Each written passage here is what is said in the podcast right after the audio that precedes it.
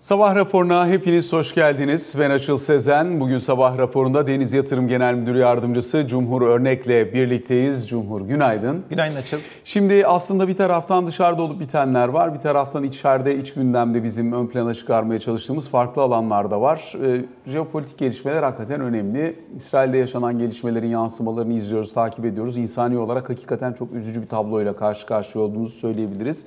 Ee, biz kendi işimiz gereği yine işin piyasa boyutuyla ilgilenmeye çalışıyoruz. Öyle baktığımız zamansa e, piyasada yaratmış olduğu haber etkisinin bundan önce defaatle deneyimlediğimiz gibi sınırlı olduğunu, sınırlı kaldığını, piyasanın ilk tepkiyi verdiğini ancak daha sonrasında riskin büyüklüğünün sadece orayla sınırlı kalıp kalmadığıyla ilgilenmeye başladığını, burayla kaldığı müddetçe piyasanın kendi yoluna gitmeye devam ettiğini anlıyoruz. Burada bir kalıcılık bekliyor musun? İlk sorun bu olsun sana. Şimdi önümüzdeki dönemde ne kadar biz çözümün bir parçası olursak risk birimize o kadar olumlu katkıda bulunacaktır. Önce bunu bir hani altını çizmek lazım.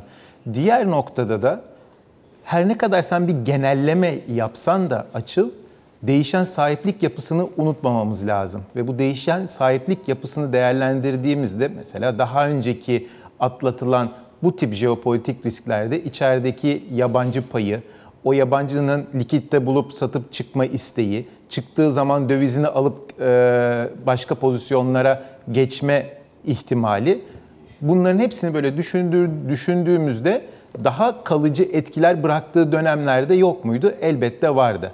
Ama bugüne geldiğimizde özellikle hani şeyden daha zor olduğunu kabul etmemiz gerekiyor. Ukrayna-Rusya denkleminden daha zor bir durumun içerisinde olduğumuzu hani hem Türkiye açısından hem de dünya açısından değerlendirdiğimizde çözümü birazcık daha zor olacaktır.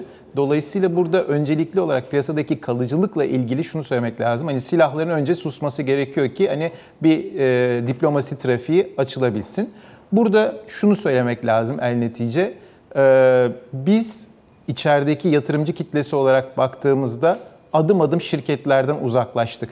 Ne demek istiyorum? Şirketin bilançosundan, finansallarından, yatırımlarından, bundan sonraki dönemde yaptığı iş ilişkilerinden, ihracatına, ithalatından hepsinden uzaklaşıp bir adım sağ tarafa kaymıştık. Fiyat ortaklığına gelmiştik. Şimdi esasında bir adım daha ötedeyiz. Açıl ki o bence volatiliteyi ciddi anlamda arttırıyor. Artık hani şirketin finansallarından ziyade, fiyatından ziyade hangi aracı kurum o gün nette özellikle işlem hacminde tepede ilk 4'te 5'te yer alan aracı kurumun o günkü net para girişi çıkışına bakar oldu yatırımcılar. Dolayısıyla böyle olunca da bir tarafa yığılma olduğu noktada e, pozisyonlarda hızlı bir likidasyon, öbür tarafa geldiği zaman da volatilitede ciddi bir artış görüyoruz. E son dönemde de hani Alican Türkoğlu indikatörü de çalışmaya başladı. Biz onu daha burada ne kadar e, kulak kabartarak dinlediğimiz noktada işte siyasetin, jeopolitik risklerin arttığını görüyoruz. E böyle bir ortamda da gün içi işlem aralığının %3'e 4'e vurduğu, bir gün önceki kapanışla bir gün sonraki açılış arasında boşluklar olduğunu, kredili pozisyonlarda bir kapanma isteği olduğunu hep gördük, görmeye de devam edeceğiz. Şimdi elbette e, bütün dünyada e, önemli bir duruş değişikliği var. Yani sonuçta işte bu friend shoring dediğimiz herkesin kendi müttefikleriyle iş yapmaya başlama eğilimi. Aynı zamanda e, işte Çin'in biraz daha dışlandığı, işte Rusya'nın zaten kendi Ukrayna Savaşı nedeniyle yaptırımlar çerçevesinde dünyadan soyutlandığı bu bölgede Batı ittifakının kendi müttefiklerini seçip onların kendi aralarındaki sorunları belli ölçüde ortadan kaldırabilecekleri bir ortamı hazırlayıp önceliğini Pasifik bölgesine vermeye çalıştığı bir ortam. Şimdi bu ortam birazcık akamete uğramaya başlamış gibi görünüyor. Çünkü e, birincisi işte Suudi Arabistan'la İsrail arasındaki ilişkinin çok ciddi yakınlaşması, Birleşik Arap Emirlikleri ile İsrail'in yakın görüşmeye başlamış olması ve özellikle bu bölgedeki hemen hemen herkesin birbiriyle irtibatını sıcak bir diyalog atmosferine çevirmesi. Türkiye, İsrail için, Türkiye ile bu körfez ülkeleri için de aynı şeyler söz konusu. Şimdi bu gelişme burayı ne kadar bozacak, ne kadar zedeleyecek gibi soru işaretleri var. Çünkü Türkiye'nin kaynak temininde körfezle ilişkisinin iletişiminin ve bu temanın işlevselliğinin büyük bir önemi vardı. Hem Batı ittifakından gelebilecek olan kaynak girişi hem Körfez tarafından gelebilecek kaynak girişi. Buraları zorlayıcı boyuta ulaşma riski görüyor musun öncelikle? geçtiğimiz şu 3 ya da kısa dönem diyelim 3-6 ay içerisinde pek çok tarihi fotoğraflar verildi. Olmaz denilen e, kareler, sıkılmaz denilen eller sıkıldı ve bir noktada uzlaşı aranmaya başlandı. Bununla ilgili olarak da hani sorun eğer Türkiye özelinde spesifik olarak değerlendirecek olursak eğer şu anki ekonomi yönetiminin hani tüm coğrafyalarda ciddi bir anlamda bir iletişim e, seferberliği başlattığını söyleyebiliriz. İşte buna Amerika'da vardı. Geçen hafta Londra eklendi. İşte Körfez zaten ilk adım Körfez tarafına atılmıştı. E, bir burada herhalde Asya bacağı kaldı. O da belki bu e, düzenlenecek olan IMF Dünya Bankası toplantılarına Marrakeş tarafında da hani temaslarla belki orayı da e, toparlamaya çalışacağız. Dolayısıyla Bundan sonraki dönemde bizim işte 58,5 milyar dolara gelmiş cari açığımız ve, ve bu noktada da orada çekirdek tarafta biz artık yavaş yavaş aşağıya doğru geliyorsak eğer ekstra döviz talebi yaratacak işte e, dün Mehmet Şimşek'in de vurgusunda vardı. Altın talebindeki son verilere baktığımız zaman en azından artışın devam etmediğini görüyoruz yıllık veride. Yavaş yavaş kafasını aşağıya doğru çevirdi gibi gözüküyor. E, bu çerçevede değerlendirdiğimizde özellikle son dönemde fiyatlamaları da domine eden ki Borsa İstanbul'a baktığımızda genel anlamda bir yayılım görmüyoruz. Genelde benim son gördüğüm tema şu, e, senin de söylediğin gibi Körfez ülkelerinden buraya gelecek olan potansiyel yatırımlar ki burada en çok dillendirilen yenilenebilir enerji. Bir de Borsa İstanbul yatırımcısının sevdiği e, bedelsiz hikayesi. Onun üzerinde yani şöyle bir her gün göz ucuyla tavan olan hisselere bir göz at, açıl. Son böyle bir 2-3 ay içerisinde e, finansallarından bağımsız bu iki tane temada yeni iş bir de buna yeni iş ilişkisini de ekleyelim. Bu üç tema üzerinden giden bir fiyatlama görüyoruz. Şu anda da bozulacağına dair de bir emare yok ama en başta altını çizdiğim gibi çözümün ne kadar parçası olursak risk primimiz o kadar düşük olur ve hani oynaklığımız da içeride ona göre az olur. Şimdi tabii uluslararası yatırımcıların Türkiye'ye bakışını e, görebildiğimiz birkaç tane e, imkan oldu son dönemde. Hem Amerika'daki temaslarda hem Londra'daki temaslarda. Daha sonrasında diğer temaslar da yine arkadan gelmeye devam edecek. Uluslararası yatırımcılar para politikasına girilen yolu olumlu buluyorlar. Dolayısıyla bu yolun doğru bir tercih yöntemi olduğunu söylüyor. Buna yönelik işte kredi derecelendirme kuruluşları görünüm değişikliği yapıyor. IMF Dünya Bankası Türkiye ile ilgili programlarında işte Dünya Bankası kredi e, line'ını iki katına çıkartarak işte IMF programın doğru yolda olduğunu ifade ederek tabii ki risklerine de e, önemli ölçüde vurgu yaparak e, bir duruş beyan ediyor. En son Bank of America Merrill Lynch'in düzenlemiş olduğu yatırımcı konferansının çıktılarını ve oradan çıkan notları da 3 aşağı 5 yukarı görebiliyoruz. Elbette Türkiye'nin genel siyasi atmosferine ilişkin eleştiriler var. Bunları bir kenara koymak lazım. Ama piyasa bacağıyla ekonomi yönetiminin elinde olan unsurlara baktığımızda anlamlı bir enflasyon gerilemesinin piyasa açısından bu iş tamam artık bundan sonra dönüyor Türkiye'de enflasyon trendi. Dolayısıyla biz sabit getirili menkul kıymet tarafında da pozisyonlanabiliriz. Para politikasında eğer bir istikrar ortaya çıkacaksa bunun yansımalarıyla Türkiye piyasasında farklı pozisyonlar da alabiliriz. TL lehine pozisyonlanmada söz konusu olabilir belirli bir aşamadan sonra ama şu anda biraz daha bekleyip görme aşamasında olduğunu anlıyoruz piyasa oyuncularının. Ne dersin bu bacak için? En azından para politikasının sürdürülebilirliği ile ilgili çatlak ses sayısı az. Yani e, hem içeriden hem dışarıdan baktığımız zaman burada bir kısım destek sağlanmış gibi gözüküyor. Diğer yandan senin söylemiş olduğun hani enflasyonla ilgili şöyle 2015-2021 Ocak-Eylül gerçekleşmelerine baksak 2015-2021 arasındaki ortalama enflasyonumuz %9.6. Buraya kadar hani iş hani ee, çalışanlar açısından da hayatı çok zorlanmadığı veya temel ihtiyaçların rahatlıkla karşılandığı bir dönem 2015-2021 arası ama son iki senenin Ocak-Eylül gerçekleşmelerine baksan açıl bir tanesi %52.4 öbürü de %49.9.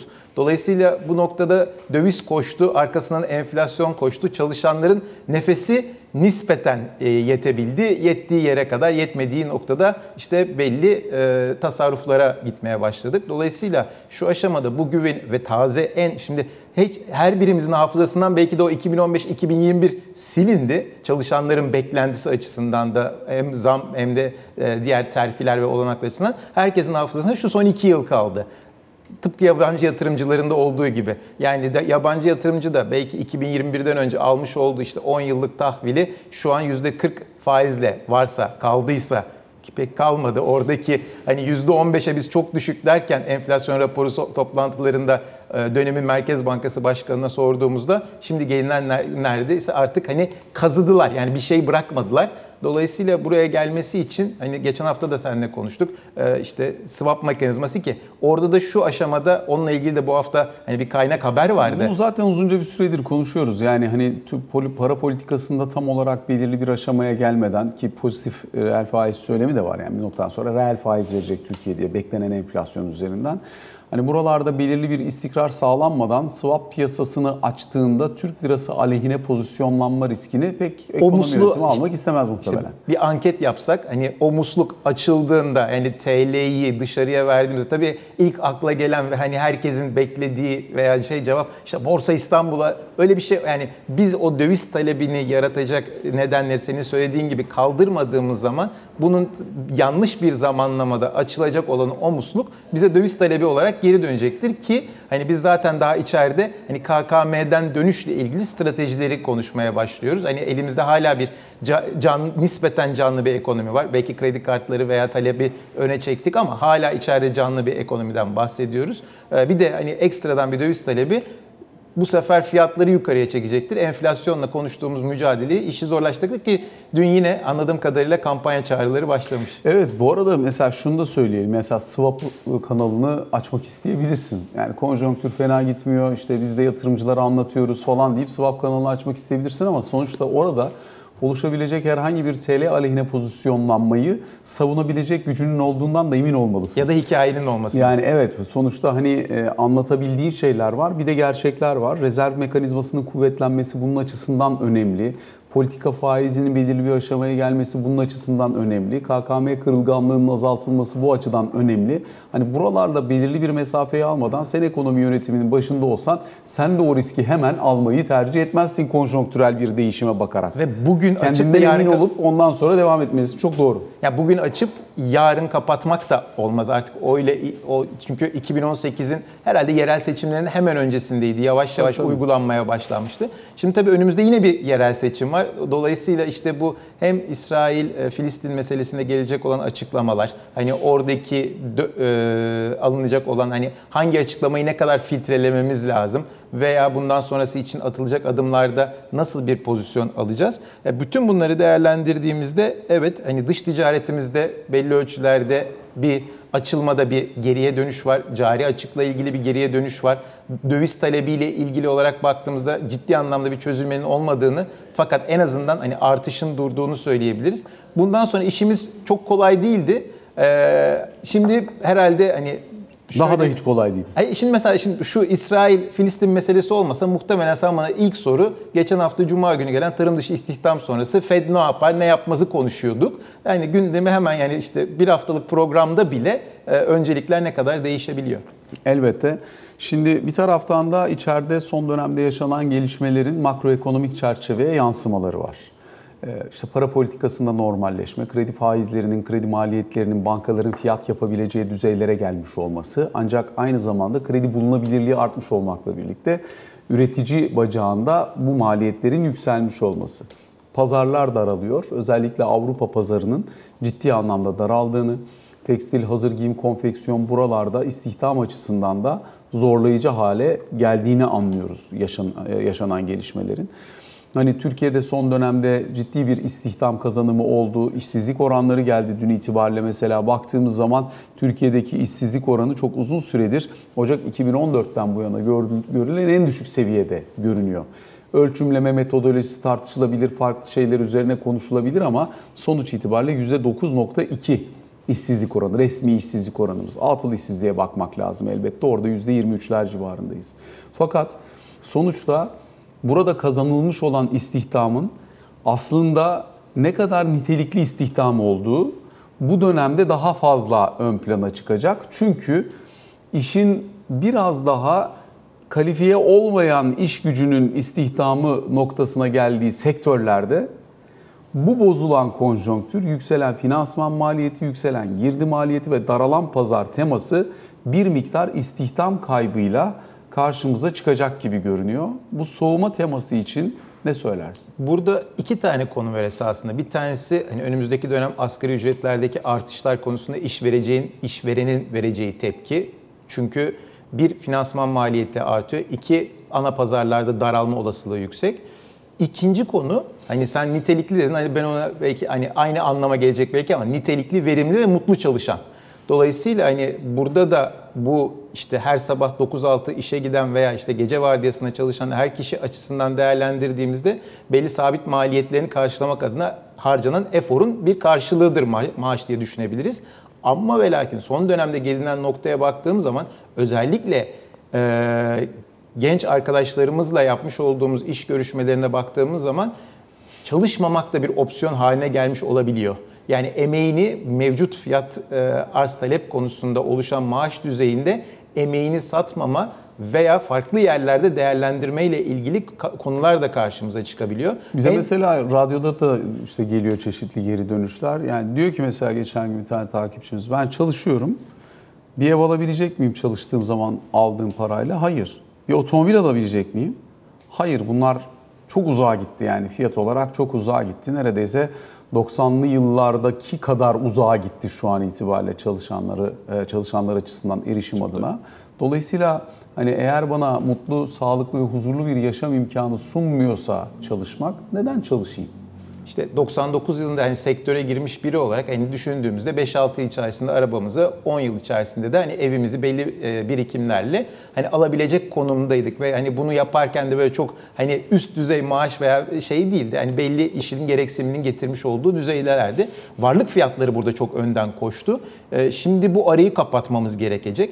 Aynı şey mesela aracı kurum sektörü için de söyleyebilirim ben. Mesela aracı kurum sektörüne baktığımız zaman özellikle 2012-2013 sonrası 2018-2019'a doğru olan bölümde esasında böyle bir kopuk yıllar var. O kopuk yıllar içerisinde değerlendirdiğimizde sektöre yeni gelen arkadaşlarımızın azlığı veya işte araştırma departmanlarının e, şeyinin değişmesi, yapısının değişmesi, işte en yine söylediğimiz sahiplik yapısının değişmesinin getirmiş olduğu e, yapısal e, zorunluluklar veya işte sektör dışına çıkmalar. E şimdi bir anda piyasa büyüdüğü zaman da gelen o talebe hem karşılık verecek insan gücü ve teknolojik yapıyı hani son dönem içerisinde bir, bir buçuk yılda sektör zorlandı. Bu yapısal, yani ben kendi sektörüm açısından hani gördüğümü anlatabilirim ama sen daha fazla burada hem reel sektör ve hani finans sektörü içerisindesin. Hemen hemen Genel her ge- yerde. her, hemen hemen her yerde e, aynı iki- e, şeyler karşımıza çıkıyor. Ya çok genç arkadaşlarımızla şu an alıp bir yere gelmeye çalışıyoruz ya da sektörde artık yavaş yavaş son demlerini yaşayan e, tecrübeli arkadaşlarımızla yola devam ediyoruz.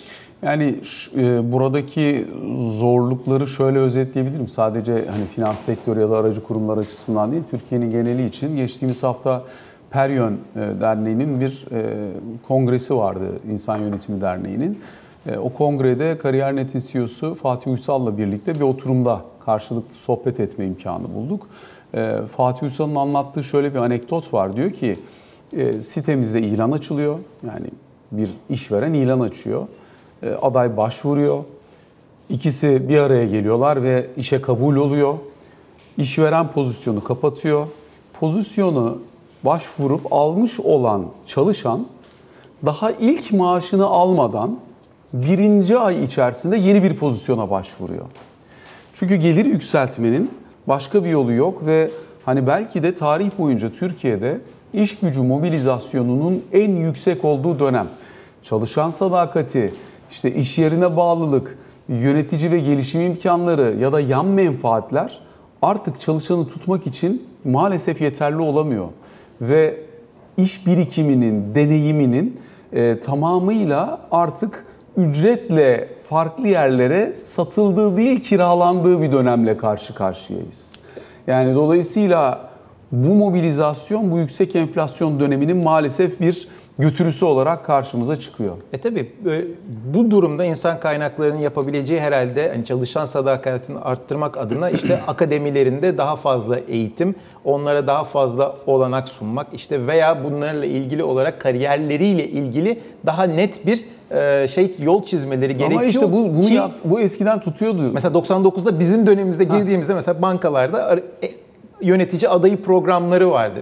MT programları MT falan değil programlar. mi? Onlar 6 ay boyunca sürüyordu ve o 6 aylık eğitim içerisinde ufak bir MBA gibiydi ve onun karşılığında biz bu eğitimi aldık diye de bir ya da iki yıllık sözleşmeler imzalıyorduk ve o dönem içerisinde kurum bağlılığı, sadakatini sağlanması adına bir sürü şey, yani karşılıklı bir alış veriş vardı. Hani Şimdi emeğin o 6 aylık MBA süreci içerisinde 3 tane iş değiştiriyor insanlar. Her işte %30-35 kendi gelirini artırabildiğin zaman bir yıl içerisinde maaşını katlamış oluyorsun. Bunlara da şahit oluyoruz. Hatta birkaç katına çıkartanları biliyoruz. Şimdi burada işte yine ne geliyor karşımıza? İşte aracı kurum sektörü açısından değerlendirdiğimizde ya satış bölümündeysen portföy sahibi ya da lisans sahibi olan arkadaşlarımızdaki mobiliteyi tarif ediyorsun sen şu anda. Bunun kırmanın tek yolu var. Bu enflasyonu hani bir ölçüde Aşağı çekmek. Başka hiçbir yolu yok. Yani bütün esasında seninle burada konuştuğumuz veya konuşacağımız konuların e, işte dolarizasyondan tut lira, liralaşma stratejisine, yabancı yatırımcının buraya gelmesine, işte insan kaynakları konusunda mobilitenin azalmasına, işte risk priminin düşmesine, kredi notumuzun yüksel nereye bağlı yani bu konuların ne kadarını hani böyle listeyi uzatmak mümkün. E, ama eninde sonunda altını çizdiğimiz yer, geleceğimiz yer enflasyonun aşağıya çekmesinden ve orada hani e, bir noktada da enflasyonun aşağıya çekmesi bir yana enflasyonun volatilitesinin de azalmasına da şey var. Yani biz enflasyonu işte %40'lara çektik. Sonra bir aşamada bir nokta daha daha çektik. Yeniden buraları hani görmeyeceğimizin insanlar tarafından çalışanlar, işverenler, fiyatlayanlar e, ve sermayedar açısından hani şey olması lazım artık. Geride bırakılması lazım. Şimdi her piyasanın belirli bir dönemi var ya bazı dönem arz piyasası bazı dönem talep piyasası oluyor. Şu anda e, hani burada iş gücü piyasasında Türkiye'de çalışanların daha ön planda olduğu, onların taleplerinin, isteklerinin daha belirleyici olduğu, şirketlerin edilgen ol- olduğu bir ortam. Çünkü yüksek enflasyon var evet ama şirketler yüksek maaş artışlarıyla kendilerine insanları çekmeyi tercih edebiliyor. Çektikleri insanların ücretlerini de aslında ekonomi hala canlı olduğu için ödeyebiliyor. Önümüzdeki seneden itibaren özellikle ekonomide bir yavaşlama patikasına girilecekse, finansman pahalanacaksa ki artık buralardayız. Dünyada bile zaten %5'lere geldi doların faizi. Dolayısıyla bu ortam aslında o ücret döngüsü açısından şirketlerin elinin daha zorlanacağı.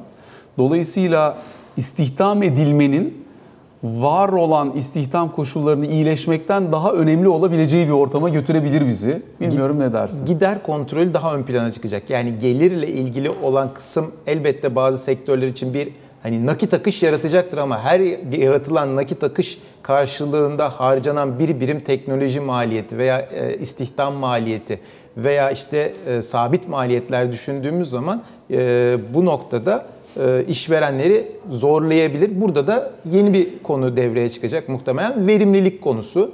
Ben o pozisyon içerisinde bu üst kademe olabilir, orta kademe olabilir ya da alt kademede e, yapmış olduğun ya yaptırmaya vermiş olduğun hizmet ya da üretim konusundaki harcanan e, bir birimlik TL maliyetine bakınca farklı şey olabilir. O zaman da senin söylediğin işte bu tek haneli 4 aydan beri devam eden işsizlik rakamlarını o aşamada hala devam edebilir miyiz? Veya onun kompozisyonu içerisine baktığımız zaman işte mavi yaka, beyaz yaka arasındaki dağılım nasıl olabilir? Hani orası soru işareti. E, Bu noktada hani herkes üzerine düşen görevi hani bir noktada yapması gerekiyor. İşte üst düzey yöneticiysen daha farklı katma değer sunacak e, zamanı kendine kredibiliteyi yaratman gerekiyor. Orta kademeliysen işte kendini yetiştirip bir sonraki e, pozisyona aday olman gerekiyor.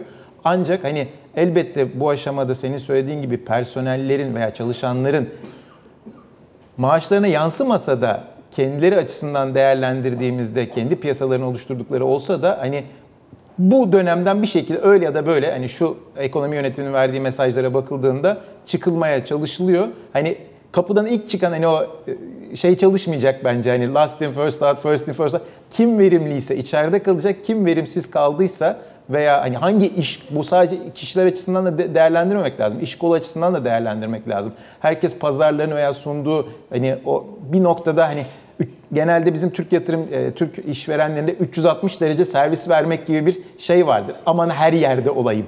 Ee, ama o aman her yerde olayım dediğiniz noktada işte spor kulüplerinde bazı amatör branşların kapanması gibi hani iş veren açısından değerlendirdiğimizde de her bir iş kolunun şeylerine bakılacaktır diye düşünüyorum dipnotlarına. Peki biraz yurt dışıyla devam edelim istersen. Özellikle e, Amerikan tahvillerindeki yükseliş hareketi işte 5'lere doğru gitmesi bayağı ciddi e, soru işareti yaratmıştı. Özellikle yıl sonunda yaklaşıyor. Yatırımcıların bir kısmının oralardaki zararlarını yıl sonuna kadar taşımak istemeyerek bono ETF'lerinde ciddi satışa geçtiklerini, bunun da faizleri 30 yıllıkları falan da 5'lere doğru ittiğini gözlemlemiştik. Şimdi e, yavaş yavaş Fed'den gelen mesajlar da tahvil faizlerindeki bu yükselişin finansal koşullar için yeterince sıkılaştırıcı etki yaratmaya başladığını, dolayısıyla bunun politika faizi üzerinde bir tur daha artış gerektirmeden bu e, sürecin yönetilebileceği yönündeki mesajların sıklaştığını gözlemliyoruz. Dün itibariyle San Francisco Fed Başkanı Mary Daly'nin bir açıklaması var. Benim orada önemsediğim kısım bir faiz artırımı daha olur olmaz kısmından ziyade e, nötr faiz oranı yani uzun vadede ulaşılacak faiz oranının %5'lerde değil ama eskiden olduğu gibi 2-2,5'larda da değil. e, Üçler civarında bir yerde eskiye göre biraz daha yukarıda ama şu an olduğu seviyeden bayağı aşağıda oluşabileceği yönündeki öngörü. Ne dersin? Şimdi orada söylemlerle ve belli Fed yetkililerine vermiş oldukları, biçmiş oldukları rollerle para politikası ile ilgili öngörülebilirliği sürekli arttıran bir Fed'le karşı karşıyayız. Buradan şunu söylüyoruz. Geçtiğimiz hafta e, Fed söylemlerine baktığımız zaman hemen tarım dışı istihdam öncesine veya bu İsrail-Filistin e, geriliminin öncesine baktığın zaman Fed'den başka söylemler geliyordu. Şimdi bambaşka söylemlerle karşı karşıyayız. Burada iki tane oyunu değiştiren e, konu oldu esasında. Bir tanesi tarım dışı istihdam rakamında işte son 3 ayda 149 bin gibi rakamla karşı karşıyaydık. Bir o 2 ayı 110 bin yukarıya revize ettiler. İki e, son gelen veride 336 bin. Genelde bir de bu hani böyle beklentilerden çok sapınca hani dönemsel işçi veya işte seçim öncesi geçici işe alınma veya farklı konular derdi. Ben şimdi Bloomberg terminaldeki haberin şeyine baktığın zaman hani genele yayılan hani böyle canlı e, gayet temiz bir şekilde e, çıkmış bir veriyle karşı karşıyayız. Dolayısıyla şimdi bunu törpülemek için bir, iki e, şimdi petrol fiyatlarına baktığımız zaman da her ne kadar hani bir yukarı risklerin tekrar yukarı yönlü olduğunu görüyoruz ve Suudi Arabistan da bu konuda ne kadar muslukları açmaya niyetli olur onu bilemiyoruz. Ama şunu söyleyelim hani evet bugünkü fiyatlamalar 87 dolara işaret ediyor ama bir yıllık hani forward vadede her ayın sonundaki petrol fiyatlarına baktığımız zaman konuştuğumuz işte o daralmayı, talep düşüşünü fiyatlar nitelikle yani Aralık 2 Aralık'a baktığım zaman 2023-2024 7-8 dolar fark var. Ama 6 aylık döneme de baktığında da 85 dolara da oturmuş bir petrol fiyatı var. Yani 70'ten u- yani biraz Yani önceki il- il- ileri vadeye gittiğin zaman hani- fiyat aşağıya geliyor. Evet yani bugünkü fiyatın aşağıya geleceğine dair bir genel bakış açısı var. Ayrıca hani daha önceki 5 yıllık ortalamanın biraz üzerinde fiyatlama olabilir ama şu anki kadar yüksek kalmayacak diyor orası. Evet ama 70 dolarlarla da çalışmıyoruz. Hani 70 dolardan 85'e geldik. Dolayısıyla önümüzdeki dönem en 5 yıllık ortalama 70 dolarlar kalır Evet. zaten. E Şimdi önümüzdeki ayın başında enflasyon raporunda geldiğinde şimdi hani e, petrolü şu an öngörebiliyor muyuz mesela? Pek göremiyoruz. Yani nereye gidebileceği yani bu tansiyonun yükselmesine bağlı olarak ve hani buna OPEC üyelerinin nasıl bir hızla refleks vereceğine bağlı olarak göremiyoruz. E bizim içeride de önemli bir hani girdiğimiz ve enflasyonu yukarı çeken bir unsursa da eğer o zaman hani enflasyon raporunda belki de hani e, sunumda olmasa bile soru cevap kısmında alternatif olan enflasyon işte 85 dolarla 100 dolarla 120 dolar çünkü 120 doları da gördü petrol fiyatlaması olarak baktığında enflasyonun gidebileceği yer o zaman o patikadaki yükselme daha farklı olacaktır. Önemli olan gidebilir. Sonuçta 120 dolar hani biz Meksika gibi bir ülke değiliz. Sonuçta Meksika ihraç ediyor ama ihraç ederken de biliyorsun her yıl e, bir put opsiyon alarak belli ölçülerde de e, minimum şeyi de ama biz tam tersi bir şekilde kol opsiyon olarak kendimizi Biz sürekli alıcıyız. biz hani şey olarak baktığında fiyat neyse belli anlaşmaların e, getirdiği konu neyse risklere açık bir şekilde yaşamayı hani e, kendimize ya da seviyoruz diyelim ve de bu şekilde ilerliyoruz ya da buraya bir kaynak aktarmak istemiyoruz, maliyet yaratmak istemiyoruz. Ama hani bununla da o para politikasının verebileceği refleksi hani ne olabileceğini yani şu olursa şu yaparım dendiği noktada o zaman öngörülebilirlik artıyor ve bu noktada risk primin aşağıya geliyor. Cumhur Örnek çok teşekkür ediyoruz sana. teşekkür Bu sabahı bizlere ayırdığın ve sorularımızı yanıtladığın için kısa bir ara sonra Ali Can Türkoğlu ile ikinci bölümde karşınızdayız.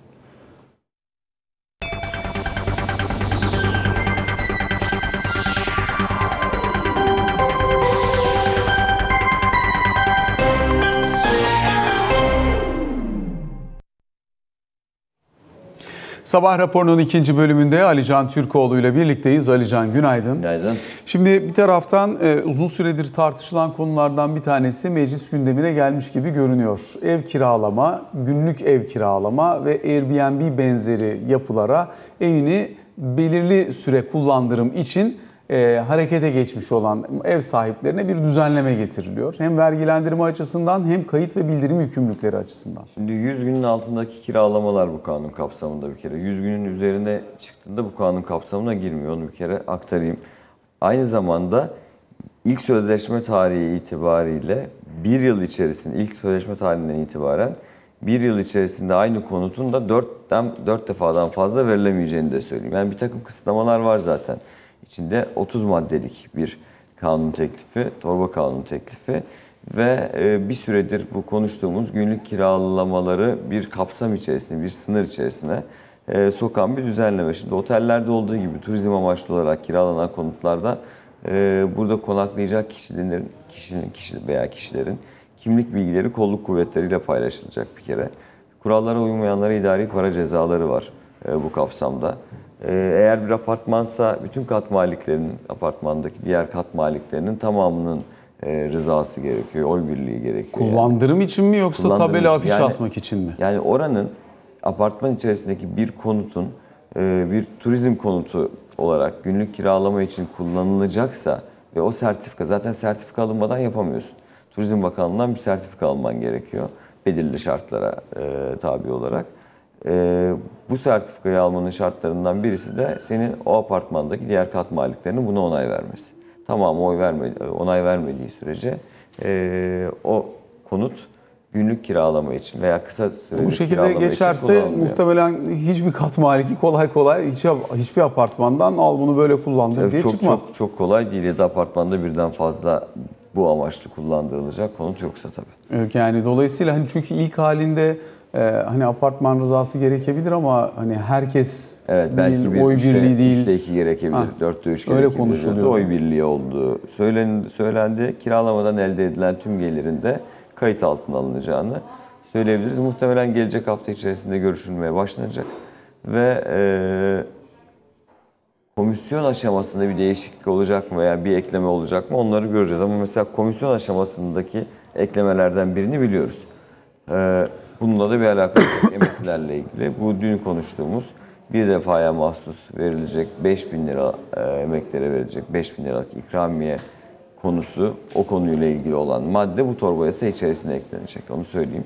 Yani mecliste görüşmeler başladıktan sonra e, ki muhtemelen gelecek hafta içerisinde hem günlük kiralama veya kısa dönemli kiralamaya ilişkin bu kanun hem de bu kanunun içerisindeki bir maddeyle bir defaya mahsus emeklilere verilecek, emekli olup fiilen çalışanların kapsam dışı bırakıldığı emeklilere verilecek 5000 TL'lik ikramiye konusu bu torba yasa içerisinde görüşülmeye başlanacak. Dolayısıyla meclis gündeminde önümüzdeki haftada da bu konuyu konuşacağız. E, Bugün Grup toplantıları var mecliste. Ee, devam ediyor grup toplantıları. İyi Parti ve AK Parti'nin grup toplantıları olacak. Dolayısıyla hem Sayın Akşener'in hem Sayın Erdoğan'ın gündeme ilişkin açıklamalarını duyacağız. O yüzden bu emekli konusu veya emeklilere veril- verilen ikramiye konusunda muhalefetin eleştirilerinin devam ettiğini ve Cumhurbaşkanı da muhtemelen sene sonunda tekrar bir düzenleme yapılacağına ilişkin o vurguyu tekrar bugün yapmasını bekliyorum. Ama tabii öncelikli gündem savaş. Yani savaşla ilgili olarak e, İsrail-Filistin çatışmasıyla savaşıyla ilgili olarak e, yapılan temaslar, yapılacak temaslar önemli. Dün Putin'le bir görüşmesi oldu Erdoğan'ın. E, ve bu kapsamda savaşın durdurulması, arabuluculuk çabalarıyla ilgili olarak görüşmelerinde devam edeceği zaten vurgulandı. Yarın e, Meclis Genel Kurulu'nda Hakan Fidan'ın bilgilendirmesi olacak bu konuyla ilgili olarak. Yani şu ana kadar yapılan tüm temaslar ve bundan sonraki muhtemel belki hepsi açıklanmasa bile neler yapılmak istendiği ile ilgili olarak açıklamalarda, bilgilendirmelerde bulunacak. E, yarın Hakan Fidan'da. Bugün o çok yoğun diplomatik temasların devam etmesi bekleniyor. Ama bir yandan da işte e, sabah saatlerinden itibaren yine İsrail'in Gazze'yi vurduğunu, özellikle dün akşam saatlerinden itibaren Hamas'ın İsrail'in bazı şehirleri ile ilgili olarak e, saldırıların, saldırıların devam edeceği yönündeki açıklamalarını gördük. Dün işte 17'de mesela akşam işte Aşkelon'a bir e, önceden duyurarak bir saldırı yaptı Hamas. Dolayısıyla bu çatışma böyle çok kısa süre içerisinde sonuçlanacakmış gibi gözükmüyor. Amerika Birleşik Devletleri'nin bölgeye göndermiş olduğu uçak gemisi dünyanın gündemindeki dün Erdoğan'ın da açıklamaları oldu. Eleştirel yönde Amerika'nın uçak gemisinin o bölgede ne işi var? Gazze'ye zaten çok büyük bir saldırı var. Bu saldırı daha da e, içinden çıkılmaz hale gelecek bu hamlelerle yönünde e, değerlendirmeleri ve uyarıları var. Dolayısıyla bu kapsamda işte Amerika'dan Rusya'ya, işte Türkiye'den Çin'e, dünyadaki tüm ülkeler şu anda burada bu bölgede yaşananlarla ilgili olarak kendi ülkelerinin duruşlarına ve ilişkilerine göre bir trafik oluşturmuş durumdalar. Bunun da bugün de devam edeceğini söyleyebiliriz. Bugünün bir diğer gündemi saat 18'de de bu arada Türkiye içinde Varlık Fonu'nun toplantısı olacak. Ee, Cumhurbaşkanı da katılacağı basına kapalı bir şekilde. Sonrasında bir açıklama yapılır mı toplantı sonrası? Toplantı gündemiyle ilgili olarak onu da göreceğiz. Bu arada bir bilgilendirme de bütçeyle ve kalkınma planı ile ilgili yapayım. Ee, Bu Ekim ayı oldukça yoğun olacak bu kapsamda. 2024 bütçesi 17 Ekim'de e, meclise sevk edilecek. Plan Bütçe Komisyonu'ndaki sunum 20 Ekim'de olacak. Bütçenin geneliyle ilgili görüşmeler de 26 Ekim'de başlayacak. Eş zamanlı olarak neredeyse 17 Ekim'de 12. Kalkınma Planı'nın sunumu muhtemelen Plan Bütçe Komisyonu'nda gerçekleştirilecek. Bunun da meclis görüşmelerinin 22-23 Ekim'de olması planlanıyor şu an itibariyle. Alican teşekkür ediyoruz teşekkür sabah ederim. raporuna. Böylelikle son noktayı koymuş oluyoruz. Hoşçakalın.